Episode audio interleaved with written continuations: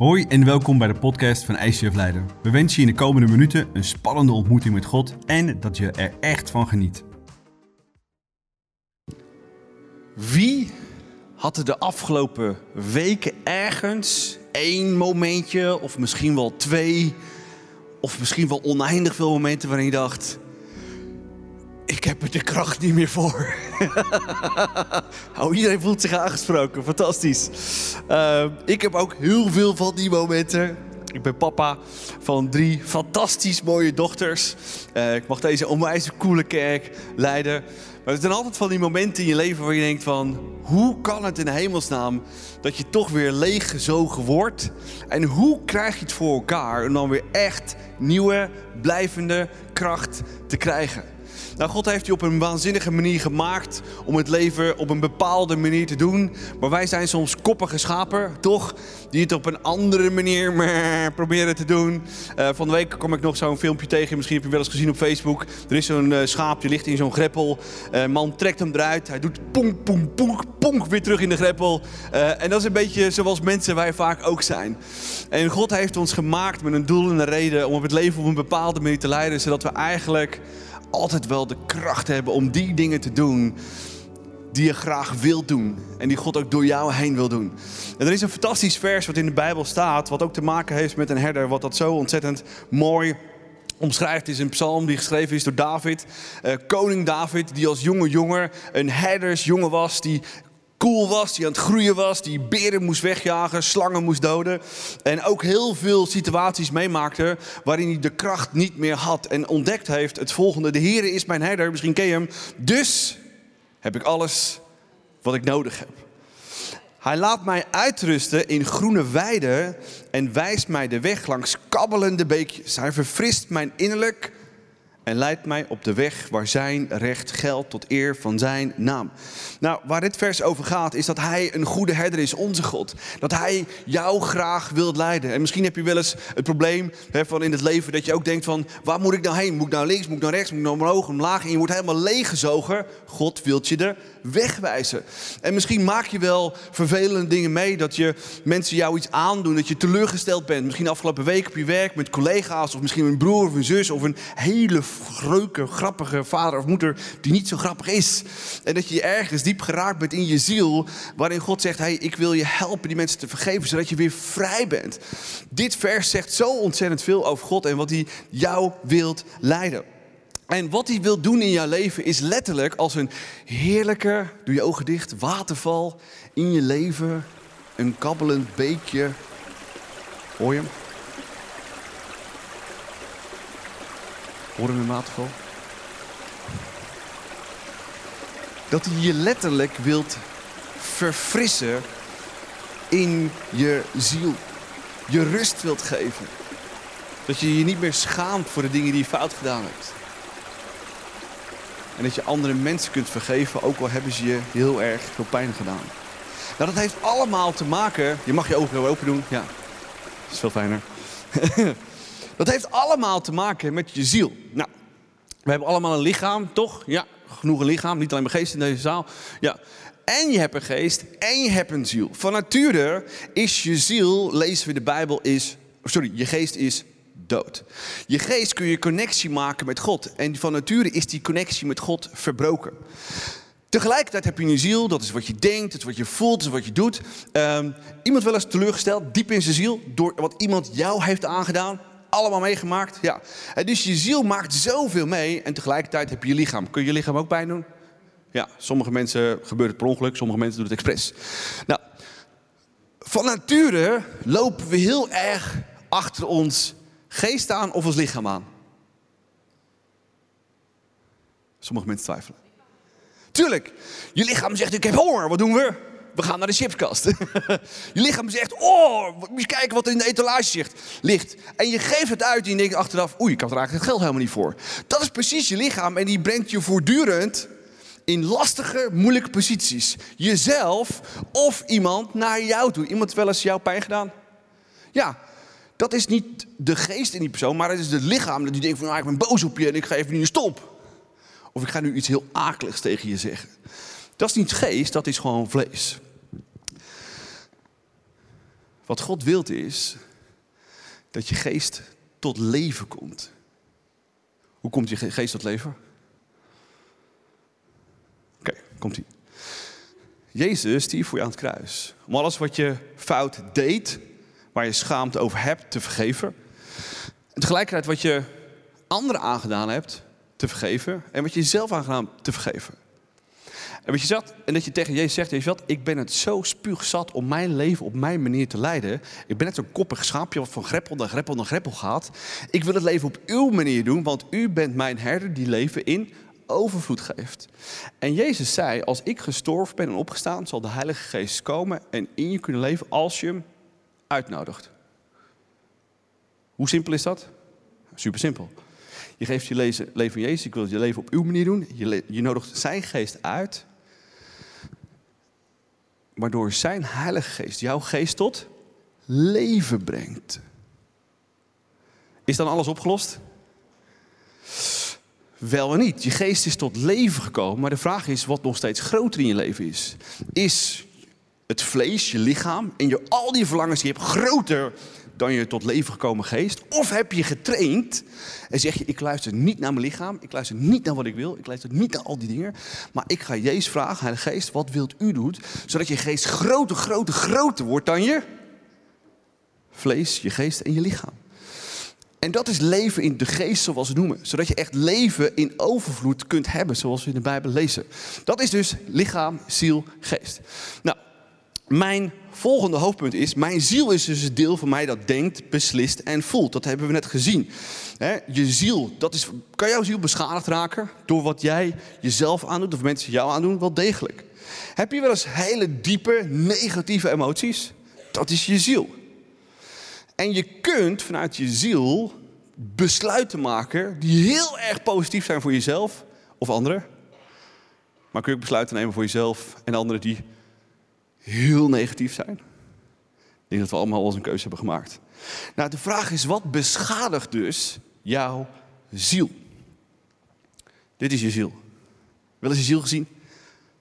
Oké, symbool van je ziel. Oké. Het kan beschadigd raken door jezelf of door anderen. Nou, de vraag is, niet in deze wereld of je ziel beschadigd raakt. Is deze wereld perfect? Nee. Dus raakt je ziel automatisch beschadigd door jezelf of anderen? Het is een no-brainer. of je wilt of niet. Maar de vraag is, door wat raakt het beschadigd? En hoe kun je dat weer herstellen, zodat je leven in overvloed hebt en echt weer kracht hebt? Nou, het eerste waardoor je ziel beschadigd kan raken, is wrok. Iemand wel eens, dus dit is pijn, hè? Voel je de pijn van wrok? Je bent zo boos op iemand, want ze hebben jou iets aangedaan. En ik wil ze eigenlijk iets terug doen, want het is echt, ah, dat had je echt niet kunnen doen. Iemand al meegemaakt? Zit op dezelfde pagina? Oké, wil ik even weten. Wrok is wat ons kan verteren van binnen. Of je nou hier zit, in de zaal, thuis meekijkt in de livestream, of meeluistert later in de podcast. Er kunnen mensen ons iets aandoen waardoor we boos worden en alles in ons borrelt en siddert en beeft om iets terug te doen. Ben ik de enige? Ik ben de oudste van vijf en ik kan je vertellen, je maakt genoeg mee. Met name toen ik jong was. Nu heb ik natuurlijk allemaal fantastische broers en zussen die allemaal heel volwassen zijn, heel geestelijk zijn en echt last van hebben. Uh, maar dat is wat de wrok kan doen. Het is een feit in het leven dat we elkaar dingen aandoen en dat we de neiging hebben, het gevoel hebben boem, ik wil wat terug doen. Het liefst, ja, wat zou je het liefst willen doen? Iemand leven? Denk even diep na voor jezelf. Zou je iemand nu iets willen aandoen, iets kleins of iets groots, om een klein beetje terug te duwen van wat ze jou hebben gedaan? Dat is wrok. Is pijnlijk. Het leven is niet perfect. Je gaat het meemaken. En hoe je op die situatie reageert, bepaalt of je wrok hebt, bitter wordt of niet. Dat kan ook. Als je het loslaat en vergeeft, kunt loslaten en vergeven, dan zit je in een superiore positie van echte vrijheid. Als je het niet loslaat en niet vergeeft, dan zit je in de superieure positie van een gevangenis die zo akelig en vervelend is dat je het liefst wil uitbreken. En je wacht nog steeds dat die andere persoon iets gaat doen, dat die andere persoon je gaat vergeven, terwijl de sleutel van dat hok, van die gevangenis, die zit aan de binnenkant of de buitenkant. Aan de binnenkant. Jij kan hem open doen, deur open doen, ik vergeef en that's it. Ja, maar hij moet eerst zeggen dat het hem speet. Ja, klopt. Wrok is alsof je een beker vergif hebt die zelf opdringt en hoopt dat die ander die jou iets aangedaan heeft, overlijdt. Heb je hem? Wrok is als een beker vergif die je zelf opdringt en hoopt dat die ander die jou iets aangedaan heeft, doodgaat. Je gaat zelf dood. Vergeving is zoiets powerfuls. Gaan we straks naar kijken. Wrok is het eerste. Waarom wil je niet bitter zijn en waarom wil je geen wrok hebben? Twee versen uit de Bijbel. De Bijbel is powerful. Komt-ie. Een dwaas ergert zich dood. Iemand die zich wel eens ergert aan iemand. En een onverstandige sterft van jaloezie of wrok of boosheid. Het is echt zo dom. Tweede is, denk je dat de aarde beeft, uit zijn baan vandaan gaat, broed wordt omdat jij jezelf verscheurt van toorn, bitterheid of wrok? Het is een beetje cynisch, hè, de Bijbel. Maar de waarheid is onwijs super groot. Ik heb hier een persoon achter me die nadenkt over haar leven en of ze iemand wil vergeven of niet. Vergeven is echt super powerful. Maarten Luther King die heeft het volgende gezegd over bitterheid en wrok. Bitterheid is blindheid. En soms worden we zo verblind door onze boosheid en onze wrok en hebben we niet door dat we onszelf helemaal aan het ingraven zijn in een gevangenis die ons zoveel pijn doet. Het tweede wat je ziel kan kapotmaken is niet bekende schuld. Zitten hier mensen in de zaal die wel eens iets fout doen? Oké, niemand hoeft zijn vinger op te steken. Iedereen. heel eerlijk, heel eerlijk, heel eerlijk. Ja, je maakt een fout in je eigen leven. Heb oh, weer te veel geld uitgegeven. Oh, ik voel me zo schuldig. Ik had het niet moeten doen. Oh ja, en ik heb zoiets fouts tegen mijn broer of zus gezegd. Ja, hij had het wel nodig. Maar ja, ik ben toch wel een beetje te ver gegaan. Maar ik voel me zo schuldig. We voelen ons allemaal wel eens ergens schuldig in het leven, toch? Over iets wat we zelf hebben fout gedaan. Niet wat iemand anders ons aangedaan maar wat we onszelf hebben aangedaan of wat wij iemand anders hebben aangedaan. We hebben allemaal wel ergens schaamte in ons leven waar je denkt, oh my gosh, had ik het maar niet gedaan. Wrok heeft te maken met wat mensen jou aan hebben gedaan. Schuldgevoel heeft te maken met wat jij jezelf of anderen heeft aangedaan. En als je zoveel schaamte in je leven hebt, Zuigt dat je leeg? Nou, zeker wel. en niet zo'n klein beetje ook. Het doet ontzettend veel. En we hebben soms niet door dat als we daar niets mee doen, dat het zich ophoopt en ophoopt en ophoopt en ophoopt. En als je er niks mee doet, dan is het alsof je leven één grote vuilniszak met rommel is die je bij je draagt. Eén grote vuilniszak met rommel die je bij je draagt. Iemand wel eens in zijn leven dat je denkt van... Mijn leven stinkt een beetje. We hebben ergens allemaal van nature een geest. En onze geest van God, of die levend is of niet, kan ons al overtuigen van schaamte.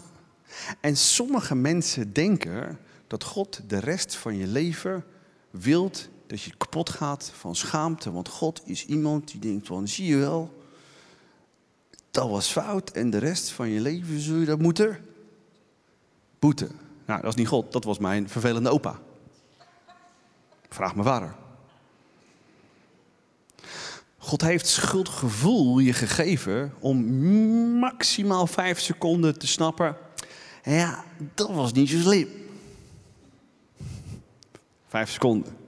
om je te overtuigen dat het niet zo slim was en dat je jezelf of iemand anders pijn hebt gedaan. Om er dan wat mee te doen. Te zeggen, dit was fout, volgende keer doe ik dat nooit meer of ga ik het anders doen. Vijf seconden. God is een God die graag vergeeft. Die graag geneest. Zodat je weer vol kan doen. Wat? Te genieten van het leven. Te genieten van relaties. Ook de relaties die lijken nooit meer lijken goed komen. Juist die relatie, want Gods vergeving is zo ontzettend krachtig en powerful. Psalm zegt het volgende: Mijn schuld steekt hoofd boven me uit, zegt David. David had heel veel dingen in zijn leven gedaan waar hij niet zo heel erg trots op was. Het voelt als een zware last. En misschien zit je hier ook wel of thuis met een zware last. Te zwaar om te dragen. Mijn woorden zweren en stinken. Als een heerlijke berg vuilniszak in ons leven. Um, vanwege lichtzinnig leven. Ik loop gebogen, diep gebukt. Ik ga in het zwart gehuld dag en nacht. Maar misschien loop je niet zwart, maar wel van binnen. Dat je zoveel schaamte en pijn hebt.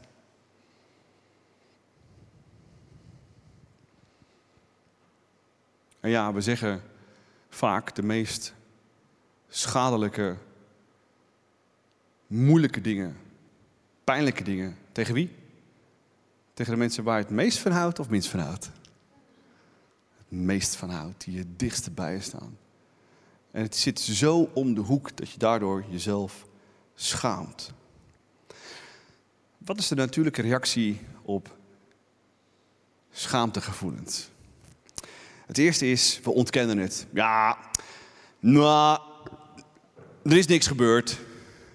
Onder het tapijt, boem, en we denken dat het weg is. Is het weg? Nou, forget it, want je loopt over het tapijt en hop, flop, tapijt, oh, daar ligt het nog steeds. Het komt vroeg of laat weer boven. Het tweede wat we doen is, we minimaliseren het. Ha, het is niet zo groot, het is gewoon een klein dingetje, hoef je gewoon niks aan te doen. En het is één vuilniszak, en nog een vuilniszak, en nog een vuilniszak. De volgende is, rationaliseren zijn we heel erg goed in. Ja, maar als ik er zo over nadenk, dan valt het wel mee, is het niet zo cool. Weet je, het heeft die persoon niet zo geraakt, en ik voel me ook niet zo schuldig, bla bla bla. We zijn heel goed in rationaliseren.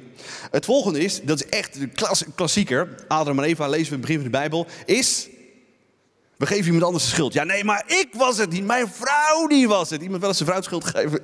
ja, het is echt een classical, weet je. Je vrouw, je broer, je zus, je vader, moeder. Ja, nee, ik was het niet, want hij begon eerst en toen moest ik doen, maar eigenlijk was zij het. Weet je, heb je hem? Het is zo classic, zo classic, heerlijk. En wat we moeten doen met die dingen is, oldschool word, ook classic, beleidenis. Ik was fout. Vinden we dat makkelijk of easy? Ja, als je leeft uit de geest, heb je geleerd om nederig te zijn. Dus hoe easy, hup, je gaat op knieën fout, Jezus of iemand anders. Maar als je leeft vanuit je vlees en je oh nee, groot ego, dan vind je dat zo verschrikkelijk moeilijk. Want elke keer als je jezelf bekent dat je fout was, dan voelt het alsof je helemaal niemand bent. En je ego krijgt er een deuk, boem. Ik geef mijn ego graag een deuk, boem, fout. Weet je waarom? Omdat mijn persoonlijkheid groter wordt. Iemand die groot is, die vergevend is, die liefdevol is, die groot is, die awesome is. Ego, I don't care. Laat hem lekker verschrompelen in zijn graf. Heb je helemaal niks aan. En het woord beleidenis in het Grieks is als volgt. Het is homologeo. Dat je hetzelfde spreekt als God. Is God waarheid? God weet wat waarheid is in je leven. En God wil dat je hetzelfde spreekt en denkt als hem. Ari, die was fout. I know, sorry, het spijt me. Vergeef me, ik was fout. Je spreekt hetzelfde als God, waardoor je vrij wordt in je hoofd, je hart en je ziel. Maar we vinden dat verschrikkelijk moeilijk. Oké, de laatste groot in ons leven, wat echt super smerig kan zijn, is... Waar willen jullie hem hebben? Op schouder? Iemand keuzes? Waar? Op zijn hoofd? Oké, schouder. We dragen heel veel mee op onze schouder. Wat dragen we mee op onze schouder? Ja. Onverwerkt verdriet. Iemand wel eens verdrietig? Waardoor? Ja, dat kunnen duizend dingen zijn. Misschien iemand die weggevallen is. Misschien iemand die die mist. Misschien een relatie waarvan je dacht de rest van mijn leven. Er kan zoveel zijn. Wat ons ziel kapot maakt. Wat onze emoties indrukt. En we moeten daar bewust van zijn. Psalm, David zegt het volgende erover. Heb erbarmen, Heer God, want ik verkeer in nood. Mijn ogen zijn gezwollen.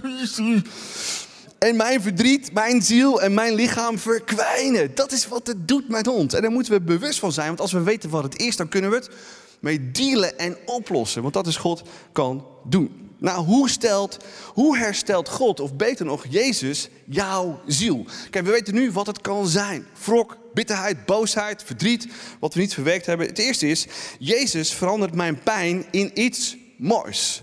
Als Jezus kan opstaan uit de dood, als Jezus mensen kan genezen van de meest verschrikkelijke ziekte wat we lezen in het Nieuwe Testament, denk je dan dat jouw pijn die je zelf aangedaan heeft of iemand anders jou aangedaan heeft, kan ombouwen tot iets moois? Wel degelijk. In ons perspectief, lichamelijk, denk ik, ja, dat kan niet. Maar God staat boven het universum. En we lezen van zijn grote daden in het Oude en het Nieuwe Testament. Als we geloof hebben, dan kan hij waanzinnige dingen doen. En hij kan jouw pijn, jouw verdriet, jouw bitterheid ombouwen in iets moois. Eén ding weten wij, staat in Romeinen. Voor wie hem lief hebben, God zelf, laat hij alles meewerken voor hun bestwil. Want hij heeft een plan met hen. Nou, God heeft een plan met hen op twee manieren. Actief en proactief. Actief is, ja, vervelend dat het gebeurt. Ja, iemand heeft iets aangedaan. Durf je te vergeven? Nee. Oké dan. En God. We kennen het goed, hè? Ja, ik ken jullie heel lang. Oké. Okay. Oké dan. En dus iemand heeft jou iets aangedaan. Je wil eigenlijk niet vergeten, maar je zegt oké dan. En je laat het los. En God kan die, die situatie, die pijn en vriend, kan hij dan iets ombouwen, iets moois daarvan maken? Zeker weten. En er zitten hier mensen in deze zaal die weten dat meer dan wie dan ook. God kan het niet alleen op een actieve manier doen, maar ook op een proactieve manier. Weg met die rommel in ons leven, toch? Ja. Oké. Een proactieve manier is, God houdt van je. Hij wil dat je meer geduldig wordt. Hij wil dat je meer zeker wordt. Hij wil dat je meer op hem gaat vertrouwen. En hij gaat je proactief in situaties brengen waarvan jij zegt, wat een stinkende rotgod heb ik.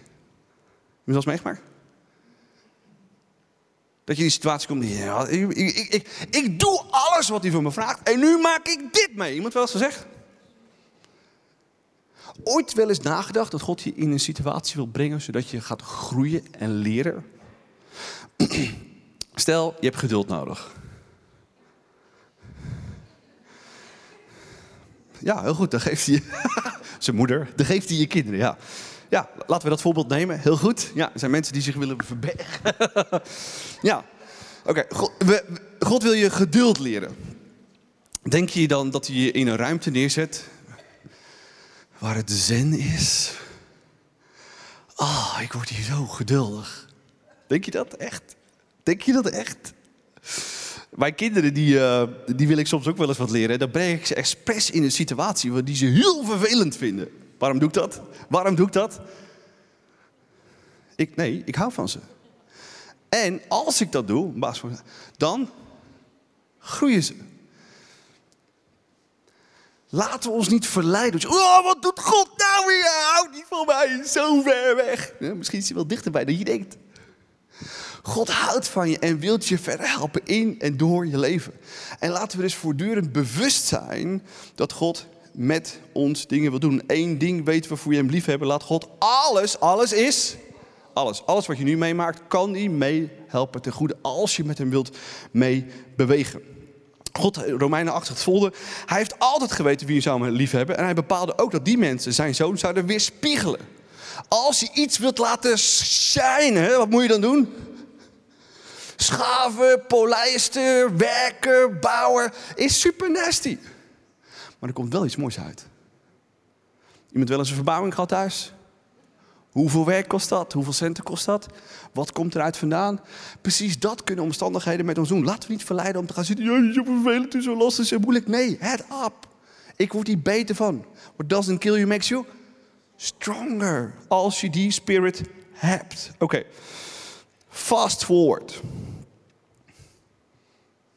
In het Oude Testament was er één persoon die vanaf jongs af aan aanbeden werd door zijn vader. En zijn broers vonden dat niet zo cool. Wie was dat? Jozef. Ja, er zijn musicals over geschreven. Echt fantastische verhaal ever. Jozef was het jongste, ene jongste ventje thuis. En zijn vader vond hem fantastisch. Ze vond hem heerlijk. Die, die verafgoden hem bijna. En de rest van de broers, ja, ook leuk. Ik heb nog meer zonen. Grappig dat jullie er zijn. En die broers, die worden zo bitter. Die worden zo akelig. Die worden zo... En wat doen ze? Nemen hem gevangen, zetten hem in een put, verkopen hem. En hij gaat naar Egypte. Einde verhaal. Goed einde? Nee, het wordt alleen maar slechter. Hij komt in de gevangenis terecht. Hij wordt verraden. En het is niet eindgoed al goed. En er gaat jaren overheen. Wat denk je wat de beste man zou denken? Over zichzelf en over zijn situatie. Goh, ja, ik vind het echt leuk hoor, het leven. Goh, ik heb het hier zo naar mijn zin. Ja, goh, God is echt bij me hoor. Awesome. Mensen voelen zich voor dit aangesproken hier. Ja. Dat deed hij wel. Zijn er momenten geweest waarin hij dacht van, ah, nu vind ik het even niet zo cool? Ja, ik denk dat ze nog wel dieper en donkerder waren dan dat wij hier nu kunnen beseffen. Maar in dat hele verhaal vertrouwde hij voortdurend op wie? God. U bent in charge, bij u is alles mogelijk, zelfs het onmogelijke is mogelijk. Eind goed, al goed, want hij wordt koning van Egypte, de machtigste man ter aarde. Als je dat in die tijd was, was je groter en machtiger dan een president van Amerika. God maakt je klaar en geeft je soms omstandigheden, zodat je kunt groeien en sterker worden. En laten we niet ons verleiden door te zeggen, God is er niet, maar God is altijd bij je. Hij houdt van je als een echte vader. Jezus voelt mijn pijn, volgende punt. Jezus voelt mijn pijn en geneest je hart. Jezus weet wat pijn is. Hij was mens zoals jij en ik. Hij had een martelgang naar het kruis. De ergste dood in de geschiedenis. En hij weet wat pijn is en hij voelt jouw pijn. Als je nu pijn voelt, hij weet wat je pijn is. En hij wil het genezen als je je handen durft open te zetten. Naar hem op te kijken en zegt Jezus, ik heb u nodig. Ik kan het niet alleen. Genees mij. De volgende gedachte is, Jezus neemt jouw zonde, jouw fouten, jouw schaamte, wat je zelf hebt gedaan of wat je een ander gedaan hebt, aan het kruis. Wat zegt de Bijbel? Het is misschien weg, moet een beetje harder werken, dan is het wel weg. Of is het gewoon voor altijd weg? Het is voor altijd weg. En ik weet dat hier mensen zijn die zo vol met schaamte en pijn zitten over wat je zelf gedaan hebt. Ik heb me zo, zo vaak afgevraagd waarom het kruis die leidersweg en het kruis zelf, de dood aan het kruis, zo verschrikkelijk heftig moest zijn. Waarom? Om ons te overtuigen dat hoe grote fouten wij ook gemaakt hebben, dat die pijn en dat die liefde die Jezus had nog groter is dan de schaamte in jouw leven. Hij wil je echt helpen en verder brengen. We lezen het in Jezaja. 400 jaar werd dit geschreven voordat Jezus aan het kruis ging. Hij werd doorstoken, Jezus. En verbrijzeld. Ter wille van onze zonde. Hij werd zwaar gestraft zodat wij vrede konden hebben. Hij werd geslagen, geschopt, gespuugd. En daardoor konden wij, wat? Genezen. Wij zijn het die als meh, schapen afdwaalden. We verlieten Gods paden en gingen onze eigen weg. Wie doet het wel eens? C'est moi. Oké.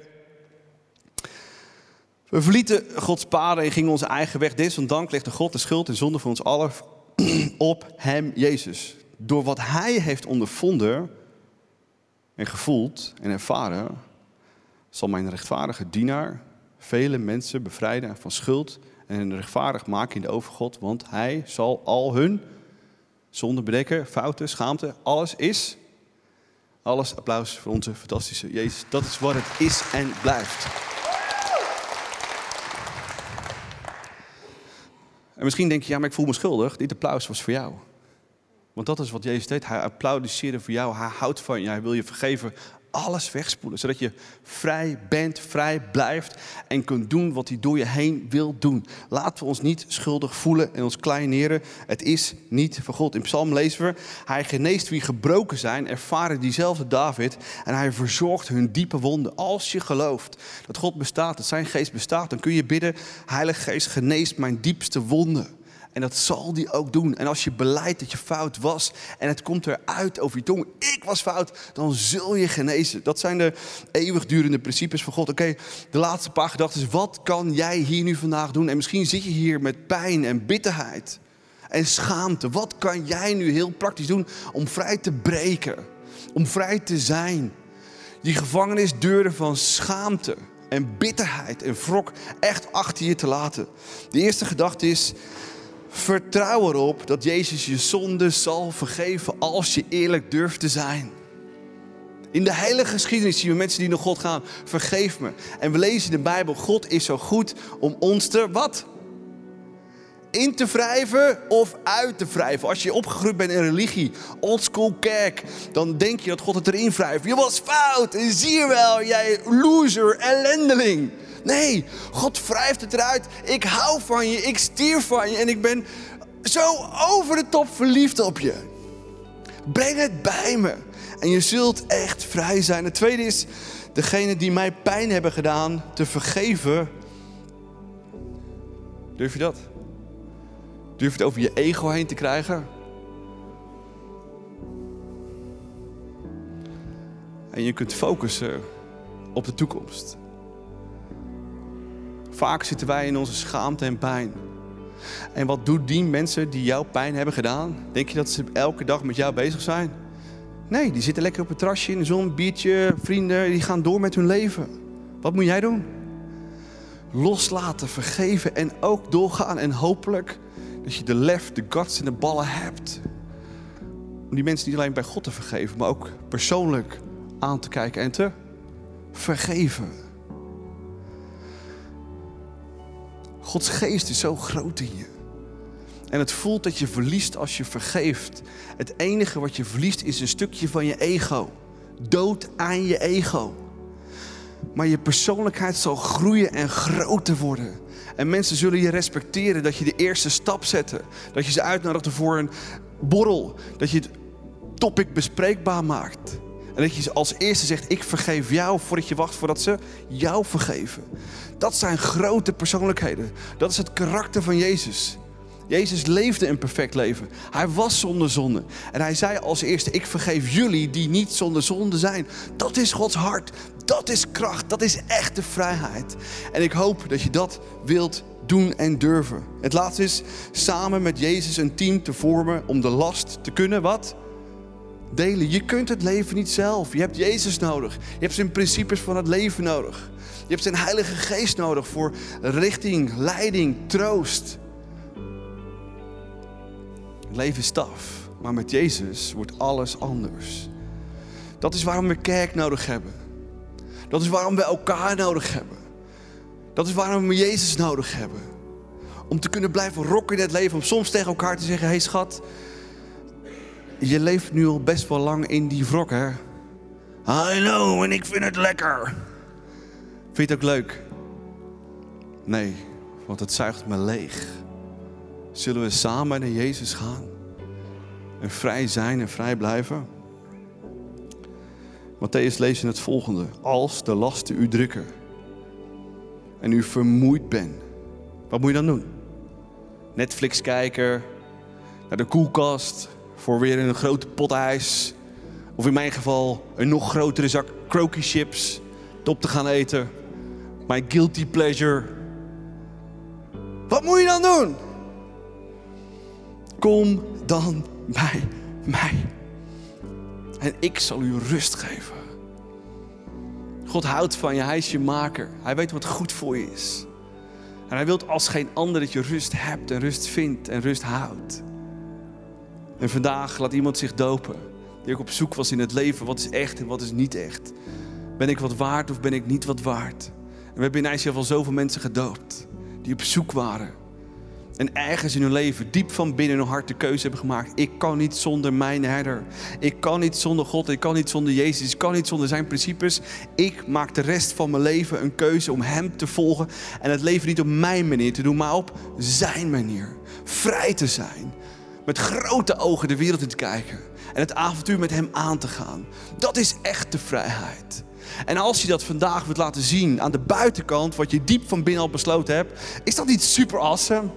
Dat is echte vrijheid. En ik hoop hier vandaag als je schaamte hebt, als je wrok hebt, als je verdriet hebt. Over iets of iemand of over jezelf of over iets wat je misschien afgenomen is. Wat je niet eerlijk vond. Dat je het allemaal bij Jezus durft te brengen. Dat je echt de vrijheid ervaart. En dat je voor altijd dicht bij Hem wilt blijven. En kunt genieten van echte vrijheid. Zullen we samen dat gebed bidden? Zullen we het staan doen? Als je wilt en kunt. Heer, dank u wel voor u bent. Dank u wel voor uw liefde, voor uw trouw. Dank u wel dat u al door de eeuwen heen, al van het begin van deze wereld, als rode draad in uw Bijbel leven, u houdt van mensen. U wilt mensen niet dissen, u wilt ze sterker maken. U wilt van mensen houden en het er niet insmeren. Wij zijn koppig, u bent sterk.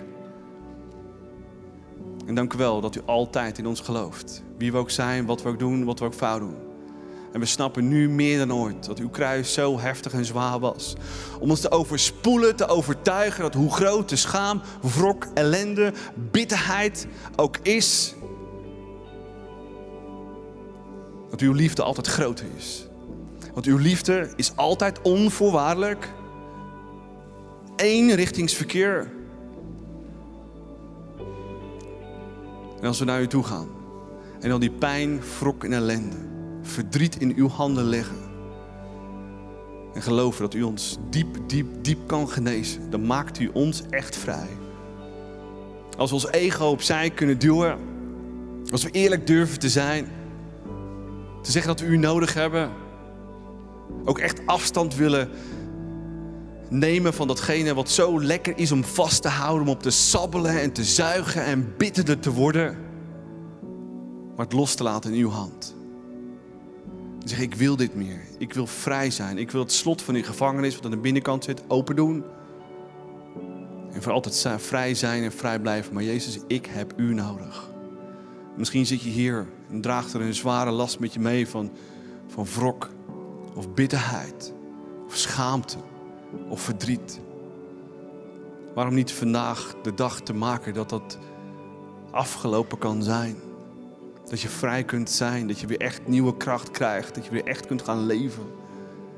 Als je dat wilt, zeg dan in je eigen woorden: Jezus, hier is mijn pijn, hier is mijn schaamte, hier is mijn wrok, hier is de persoon die mij zoveel pijn gedaan heeft. Ik laat het los, ik vergeef ze. Of hier is de situatie waar ik zoveel verdriet van heb, waar ik dacht dat anders zou lopen, waar ik dacht dat het me nooit af zou nemen. Leg het in zijn hand, zeg het in je eigen woorden. En vraag voor genezing, voor vrijheid voor vergeving. Zeg het in je eigen woorden als je wilt. Hier in de zaal, thuis op de bank, misschien meeluisterend in de auto, of de fiets. God is bij je, Hij hoort je waar je bent.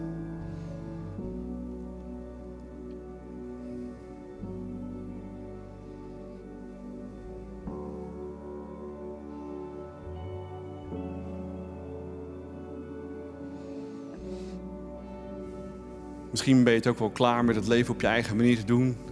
Ben je klaar om van schaap van grippel naar grippel te gaan? Waarom niet vandaag tegen Jezus zeggen: Jezus, ik heb u nodig. Ik wil van u leren.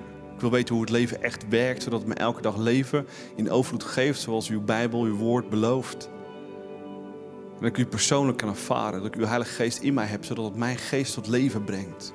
Zodat het mijn ziel tot leven werkt, zodat het mijn lichaam tot leven werkt. En ik meer dan genoeg energie heb. Als je dat wilt, bid me mee. Jezus, dank u wel voor wie u bent. Ik snap nu alles wie u bent, maar ik snap één ding. U ging aan het kruis om mijn zonde, pijn, schaamte te sterven. Zodat ik het bij u kan brengen, zodat u het kunt vergeven. Jezus, ik breng mijn pijn, mijn schaamte, mijn verkeerde keuzes bij u. Wetend dat u vergeeft, het voor altijd weg is, gespoeld als sneeuw voor de zon. Dank u wel dat u zoveel van me houdt. Kom in mijn leven. Ik wil het leven niet meer op mijn manier doen, maar op uw manier. Vergeef me. En vul me met uw Heilige Geest. Zodat mijn geest weer tot leven komt. En uw geest mijn ziel tot leven kan wekken. En mijn lijf weer meer dan voldoende energie kan geven. Ik heb u nodig. Meer dan ooit. Als je dit gebed met me meegebeden hebt, gefeliciteerd. Want je bent net in je relatie met Jezus begonnen. En zijn Heilige Geest wil je elke dag leiden. Laat het grote groeien in je leven. En ervaar dat hij elke dag bij je is en het beste met je voor heeft. In Jezus' naam, amen. Wij hopen dat deze podcast je heeft geïnspireerd en verder geholpen heeft in je relatie met God. Wanneer deze podcast je geraakt heeft en je de inhoud ervan wilt helpen verspreiden, deel dan deze aflevering op jouw favoriete social media platform. Op deze manier horen meer mensen over Jezus en deze boodschap van hoop. Je kunt ons ook financieel ondersteunen, waardoor we een maximaal bereik krijgen op het internet en nog meer mensen nieuwe hoop krijgen. Bedankt voor alles wat jij mogelijk maakt. We geloven dat kerk een familie is, dus of je nu live erbij bent of online meeluistert, we willen jou graag persoonlijk leren kennen. Als we jou persoonlijk verder kunnen helpen, dan horen we dat graag. Check voor info en meer mogelijkheden op onze website. Fijne dag.